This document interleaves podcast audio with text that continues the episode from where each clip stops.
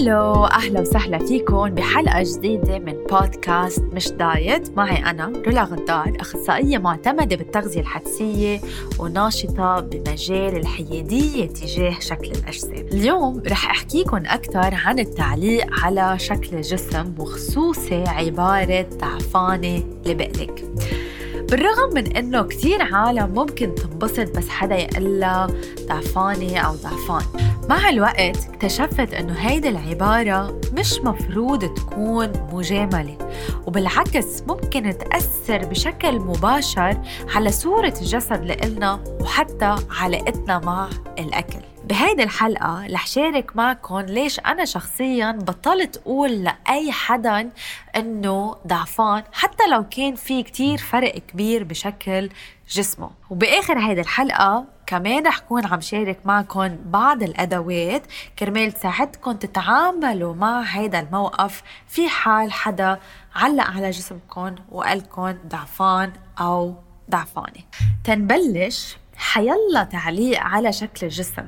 يعني كان ضعفان أو نصحان أو كأنه آه، بطنك كبرانة أو انت حامل كل هيدي التعليقات هي تخطي لحدود الخصوصية عند الشخص لأنه شكل الجسم هو شيء كتير خاص. وما بعرف ليه بمجتمعاتنا وحتى بالمجتمعات الغربية في عالم بتحس إنه عندها الحق تجي وتعلق على هذا الموضوع. وهيدا الخصوصية كتير مهمة بموضوع الجسم لأنه عم بتعزز تواصلي مع ذاتي. يعني إذا أنا بدي أهتم بصحتي أو بأهتم بأكلي أو أهتم برياضتي عم بعمل هيدا الشيء لأنه عندي أهداف خاصة لأنه هيدا الشيء بيريحني بيسعدني بخليني أكون قوية أكتر. بس كل ما سمعت تعليقات أكتر من العالم على هيدا المواضيع كل ما صار عندي عدم تواصل مع ذاتي وكل ما صرت عم بعمل هيدي السلوكيات كرمال أرضي الآخرين.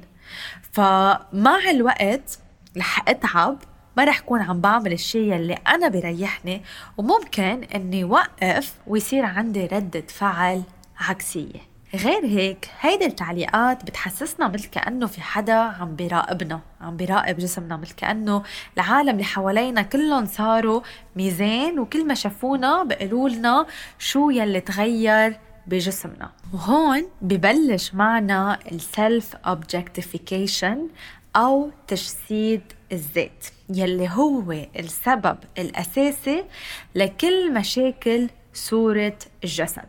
شو يعني؟ تجسيد الذات. يعني بس نحن نشوف حالنا أولا كشكل ومن بعدها كإنسان. وبس كل الوقت نكون نحن عتلانين هم كيف الأشخاص رح يشوفونا وشو رح يفكروا بجسمنا. مثل عن السلف اوبجكتيفيكيشن أو تجسيد الذات هو إذا أنا مثلا رحت على البحر وبدل ما أكون عم بستمتع بنهاري عم بسبح عم آه، بحكي مع أصحابي عم آه، بتلذذ بالأكل يلي عم باخده عم حس بالشمس بكون كل الوقت أفكاري على كيف هيدا العالم اللي بالبحر عم بتشوفني وشو رأيها بجسمي.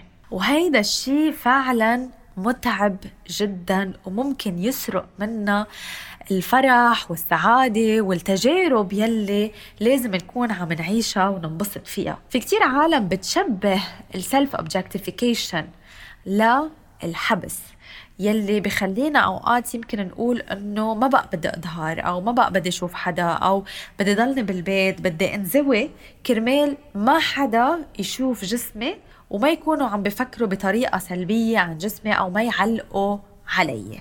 إذا أنتوا عندكم من هيدا الأفكار وصراحة معظم الأشخاص يلي بشتغل معها عندهم أفكار تجسيد الذات ضروري تضلكم عم تسمعوا هيدي الحلقة للآخر لأنه بآخرها رح كون عم بعطي بعض الأمور يلي رح تساعدكم تطلعوا من هيدا الحبس وتقدروا تعيشوا حياتكم مثل ما انتو بتحبوا. فعن جد قبل ما تقولوا أي تعليق فكروا إنه هيدا التعليق يلي أنا رح أعطيه رح يكون عم بيعزز أفكار السلف اوبجكتيفيكيشن عند الشخص اللي قدامي وممكن هيدا الشيء يفوته بدوامة سلبية جدا مع صورة الجسد والأكل. وأنا بعرف من تجربتي أنه معظم العالم يلي صار عندهم علاقة مضطربة مع الأكل أو اضطرابات بالأكل كان سببها الأول هو هيدي التعليقات.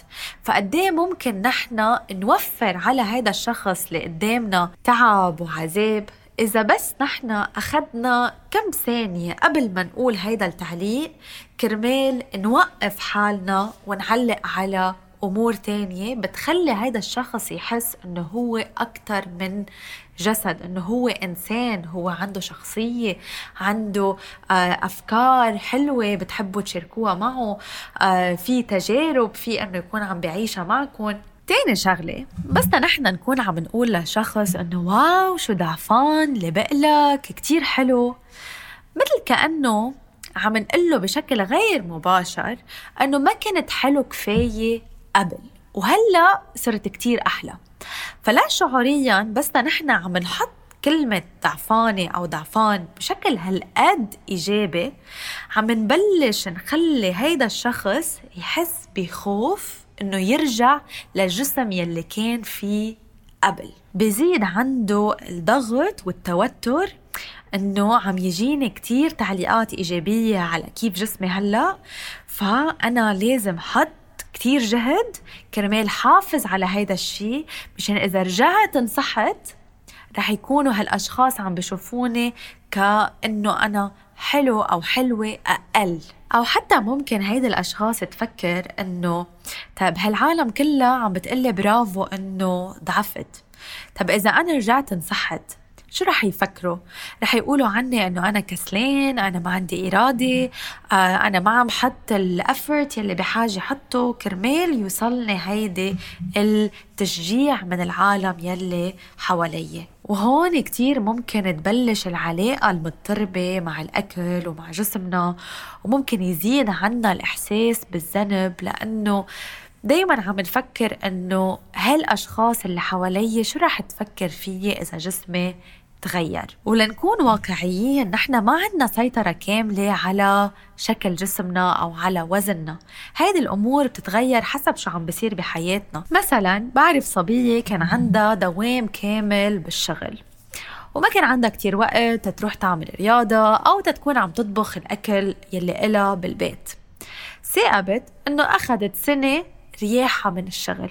وبهيدي السنة صار عندها كتير وقت أكتر تهتم بحالها تهتم بصحتها النفسية تكون عم تعمل الرياضة اللي بتحبها تكون عم تطبخ الأكلات يلي هي بتحبهم بالبيت. فبطبيعة الحال وزنها نزل وجسمها صار أصغر. وهون بلشت التعليقات من الأشخاص يلي حواليها. إنه واو شو ضعفانة كتير حلو خليكي هيك. فهي ما كنت أصلا حاسة إنه جسمها قبل في أي مشكلة. بس من بعد ما سمعت هيدي التعليقات وقديش العالم احتفلت بنزول الوزن لإلها صار عندها نظرة سلبية لجسمها يلي كان قبل. بس واقعيا ما رح تبقى كل حياتها آخدة بريك وهلأ أو بعدين رح تكون عم ترجع لشغلها. ويمكن بس ترجع لشغل معين أو تنقل بلد أو يصير عندها أولاد أو تتغير حياتها. كمان جسمها ممكن يتغير. فكل ما نحن علقنا على شكل الجسم أو احتفلنا بخسارة الوزن كل ما نحن عم نحسس الشخص إنه أنت لازم تبقى بهيدا الشكل كرمال نحن نعطيك positive comments آه، أو تعليقات إيجابية. فعم نحط ضغط على هذا الشخص وعم نمشي عكس الطبيعة. الأجسام خلقت لتتغير ما خلقت لتبقى نفس الشيء كل الوقت. وكل ما نحن علقنا كل ما نحن ضغطنا على الشخص إنه يبقى بنفس الجسم. ثالث نقطة إنه ليش نحن بنعتبر خسارة الوزن دايما شيء إيجابي؟ في كتير عالم ممكن تضعف ونحن نشوفها ضعفانة ونقول واو شو حلو ضعفانة. بس هن يكونوا ضعفانين لأنه عندهم اضطراب غذائي أو يمكن يكون عندهم اكتئاب أو يمكن حتى يكون عندهم مرض معين عم بخليهم يخسروا وزن أم نحن عم نجي وعم نحتفل بهيدا الشيء بس هو الشخص من جوا ممكن يكون عن جد كتير زعلان. فمش دايما خسارة الوزن هو شيء نحن بدنا نحتفل فيه. وحكيت عن هذا الموضوع بحلقة البودكاست يلي سجلتها مع بهيجة وشاركت فيها تجربتها مع الاضطراب الغذائي. بتذكر كتير منيح وقت قالت لي إنه كان كل شيء بحياتي مش ظابط إلا وزني ظابط. والعالم حوالي عم تقلي إنه واو برافو ضعفانة. بس كل شيء تاني بحياتها كان منا مبسوطة فيه. وبنفس الطريقة زيادة الوزن منه شيء سلبي كل الوقت. بالعكس ممكن مع الوزن يلي عم بيزيد يزيد بحياتنا كتير أشياء حلوة. نكون عم نقدر نستمتع بالأكل أكتر. تكون صحتنا أفضل وهرموناتنا منتظمة أكتر. آه نكون قادرين إنه نظهر ونعيش حياتنا الاجتماعية بشكل أفضل. ونكون بشكل عام صحتنا النفسية كمان أفضل. فما أعتقد إنه الجسم الأصغر أو خسارة الوزن هي دائما شيء إيجابي والجسم الأكبر أو زيادة الوزن هو دائما شيء سلبي.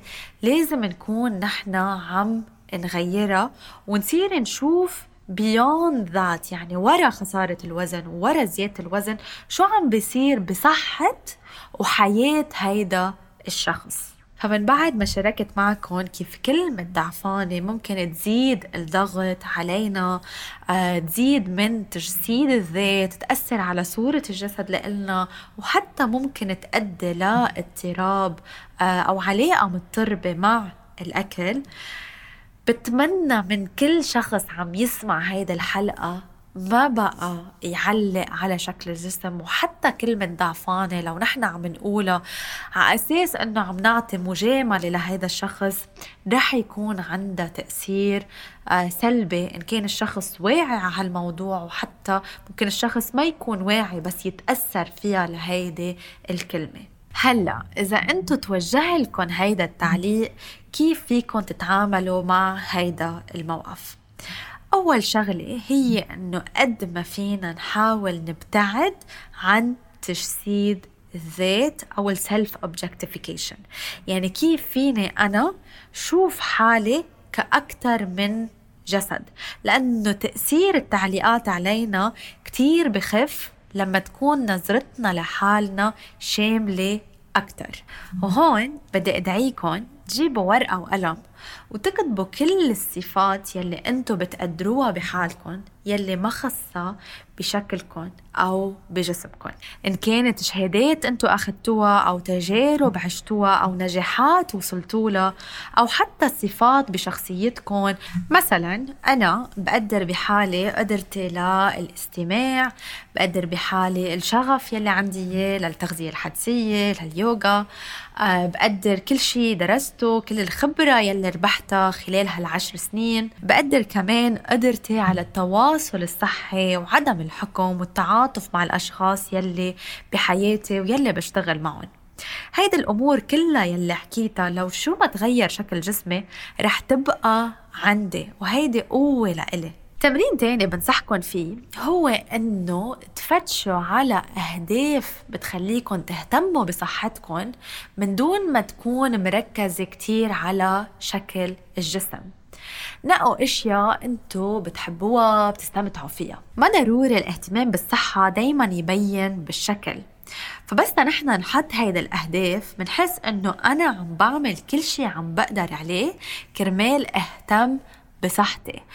وكيف ما تغير جسمي من بعدها هيدا الشيء ما بيعني إنه أنا شخص كسلان أو أنا شخص ما عم حط صحتي أولوية. وإذا بدكم أمثال وأفكار لأهداف صحية فيكن تسمعوا حلقة بدي بلش بالتغذية الحدسية بس ما بعرف كيف.